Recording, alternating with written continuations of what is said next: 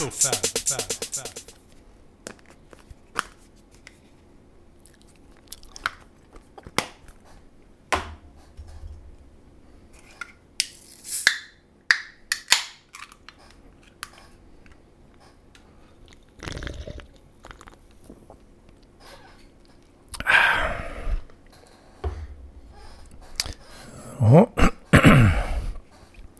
Då var det söndag igen, mina bekanta.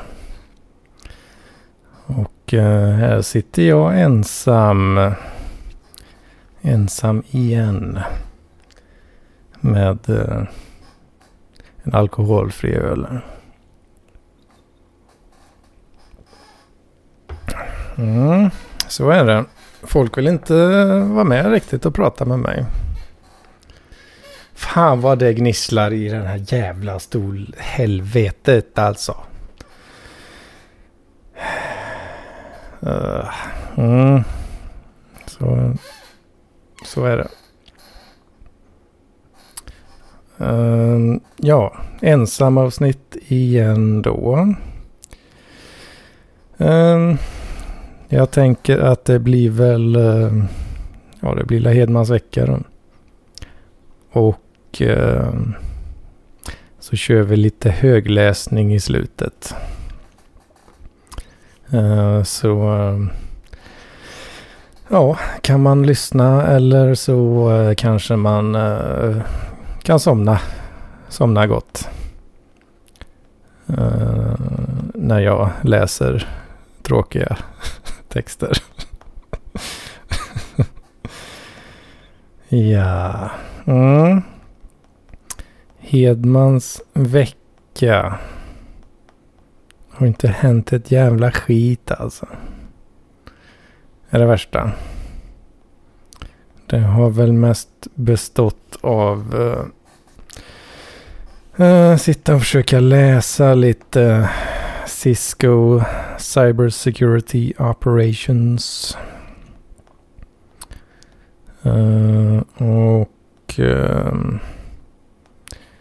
druckit lite öl med goda vänner och snackat mången skit med dessa.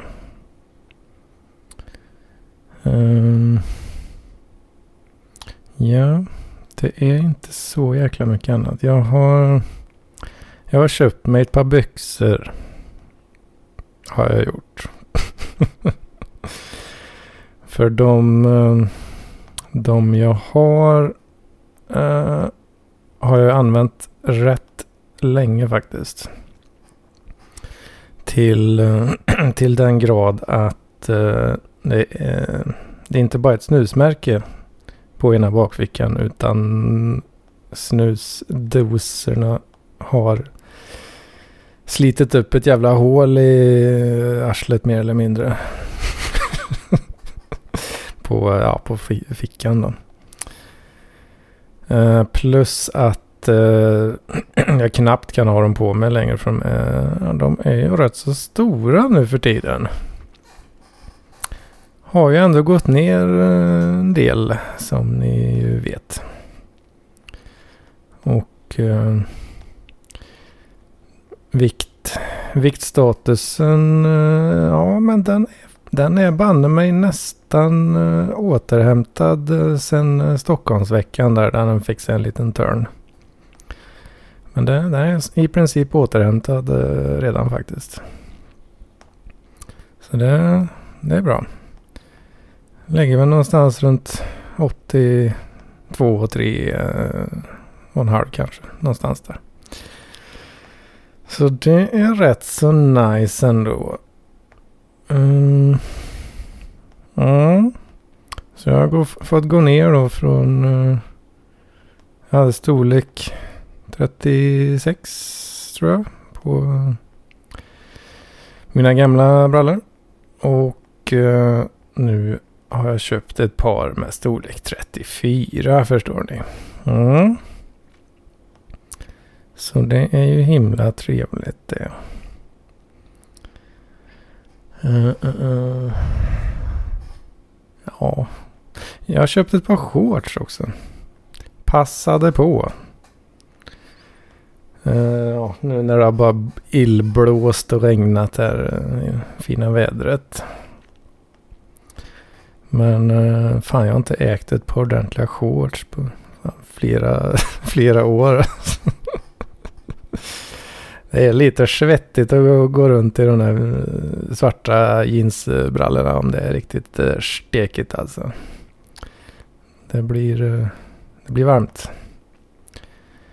Men det har jag löst nu äntligen.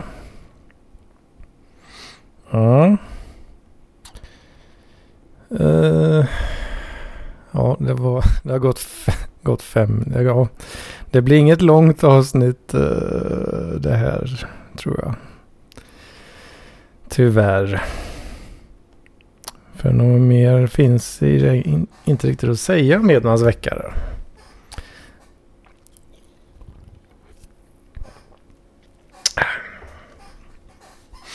Mm, vad fan. Uh, ska vi köra lite högläsning då kanske? Eh, då är det den fantastiska boken här. Eh, The Internet of Money. Som jag tänkte eh, läsa introkapitlet ur här. Inte, ja, det är inte så himla långt det heller då. Så. Uh, skriven av uh, Andreas Antonopoulos. Och eh, uh, inte, ni kanske kan gissa att det handlar ju då om bitcoin såklart. Vad annars? Vad annars? Um, han, Andreas då, han uh, han åker uh, jorden runt och håller sådana här talks uh, om bitcoin då. Och eh, den här boken är eh, som eh, ja, en samling av hans olika talks kan man säga. Jag har ju inte läst hela boken själv visserligen men å andra sidan så har jag ju sett varenda jävla talk som han har gett då. Så, så, så är det. Men vad fan. Eh, jag rekommenderar ändå att eh, om man gillar, om man är en läs, läskille eller läskvinna. Då eh, kan jag rekommendera den här boken. Alright. Har ni bäddat ner er ordentligt nu då? riktigt gött. Dratt upp täcket lagom högt upp. Och bara riktigt gosat ner er. Så um, börjar vi väl läsa lite här då. For a moment, forget everything you think you know about Bitcoin. Forget everything you've heard about blockchains and let's start from basics. In 2011, I heard about Bitcoin for the first time. And my reaction was exactly the same as almost everybody else who heard uh, who heard about Bitcoin for the first time. Ha, nerd money. That's probably just for gambling. Uh, six months later, I heard about Bitcoin again, and this time I read the white paper that launched this system. My background in computer science and distributed systems allowed me to see behind the illusion of what I thought Bitcoin was, and it blew my mind. In my life, I have now had six occasions in which I have become absolutely obsessed with a system of technology, to the point of forgetting to eat, forgetting to sleep, and shamelessly consuming as much knowledge as possible.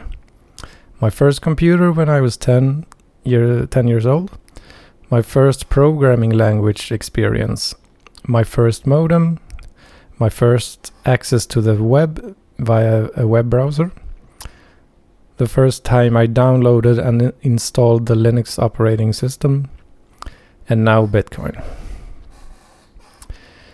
During the first four months after I discovered Bitcoin, I lost 26 pounds on the highly inadvisable diet of obsession. I have not completely emerged from that obsession because I keep finding new layers of depths to understand. The reason Bitcoin is so fascinating is because it is uh, because it isn't what it appears to be at first glance. Bitcoin isn't money. It isn't a system of currency. It's not a company. It's not a product. It's not a service you sign up for. It's not a currency. Currency is just the first application. It is the concept of decentralized decentralization.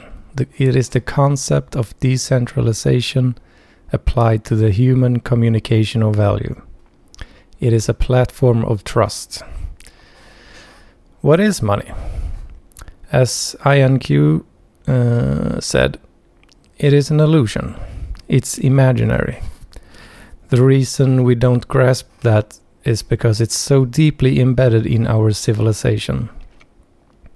Money is the money is one of the oldest technologies that humanity has. It precedes writing. How do we know that?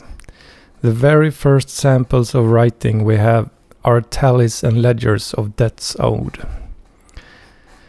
We could speculate that money had an oral tradition until it needed to invent a written tradition, so writing was created for it. In the history of money that now spans tens of thousands of years, there have been maybe five ma- major changes. From pure barter exchange to the introduction of the first abstraction of value, shells, feathers, beads, nuts, stones, then precious metals, uh, and then paper money, and then plastic money. And now, network money. Bitcoin introduces a platform on which you can run currency as an application on a network without any central points of control, a system completely decentralized like the internet itself. It is not a money for the internet, but rather the internet of money. Där har vi den. Andreas Antonopoulos, The Internet of Money. Läs den. Mycket bra. Mycket bra. Ja, om du inte har somnat då förstås. Ja. Kort litet avsnitt. Det här är ju då eh, extra, extra materialet här för er som inte har somnat än. Men um, ja, vad fan ska jag göra då när ingen vill vara med? Ingen vill vara med och prata med mig. Ja, nu ska jag eh, försöka preppa lite till inför en arbetsintervju. Mhm, mhm. Så eh, hörs vi väl nästa vecka. Natti natti.